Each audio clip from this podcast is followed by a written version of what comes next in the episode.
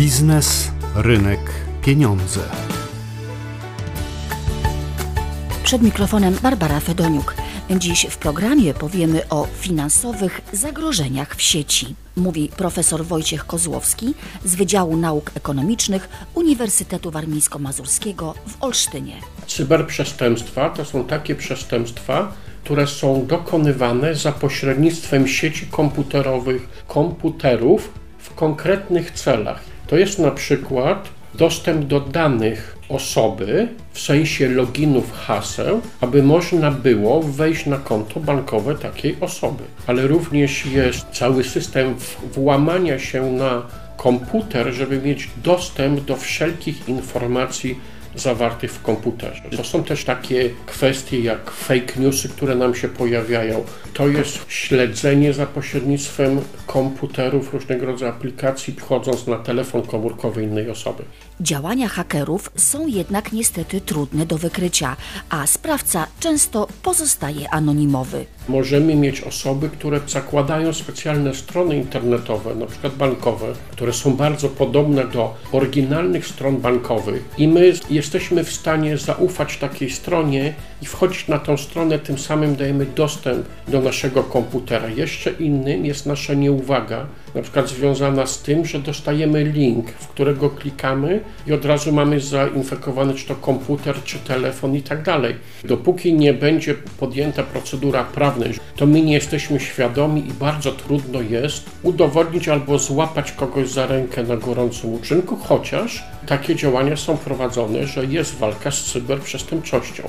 Poza włamaniem się na konto bankowe, Mamy również elementy związane z szantażem, mamy również cały element związany ze zniszczeniem danych czy programów komputerowych. To jest e, szpiegostwo komputerowe, to jest również podsłuch komputerowy, czyli jak z tego wynika, istnieje cały katalog co najmniej kilkunastu różnego rodzaju przestępstw. Musimy być bardzo uważni, zachowywać się w tym świecie cyberprzestrzeni.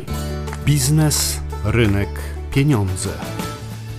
Jak zatem bronić się przed cyberprzestępczością? Z tym pytaniem zwróciliśmy się do Pawła Harejdy, specjalisty od technik informatycznych. W zależności od tego, e, jaki element naszego cyberżycia chcielibyśmy uchronić, są narzędzia, które na pewno podnoszą nam poziom bezpieczeństwa. Tym najważniejszym jest nasza świadomość i czas, jaki na to poświęcimy. Jeśli dostajemy informację od kogoś, kto chce na szybko w ostatnim momencie otrzymać nasz kod blika, to powinna nam się przede wszystkim zapalać lampka. A tą warstwą techniczną, którą musimy na pewno dbać, są te podstawowe elementy, jak programy antywirusowe, jak firewall dodatkowe, jak programy zarządzające naszymi hasłami. Bardzo wiele przestępstw takiego niskiego poziomu jest związanych z tym, że my po prostu nie dbamy o nasze bezpieczeństwo i kiedy system, w którym rejestrujemy się, prosi nas o hasło, wpisujemy ciąg cyfr od 1 do 9. Takie hasła są regularnie e, w corocznych raportach. Zatem niezwykle ważne jest wzmocnienie siły naszych haseł i ich częste zmiany. W każdym momencie, kiedy korzystamy z technologii, co chwilę ktoś nas prosi o hasło. Czy jest to hasło do usługi bankowej, czy jest to hasło PIN do aplikacji bankowej, czy jest to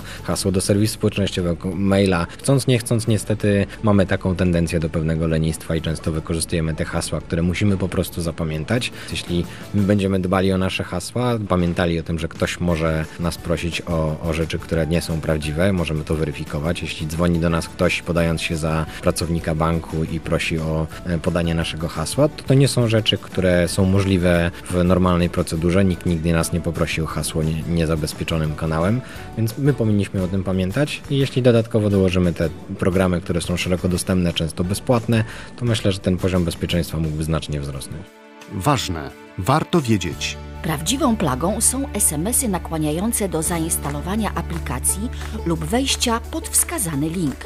Ostatnio oszuści często słali komunikaty informujące o nałożeniu kwarantanny przez Sanepid albo o rzekomej wygranej w Loterii Narodowej.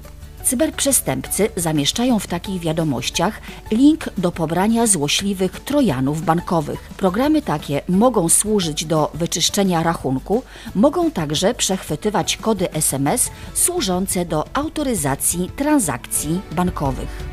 Biznes, rynek, pieniądze. Projekt realizowany z Narodowym Bankiem Polskim w ramach programu edukacji ekonomicznej.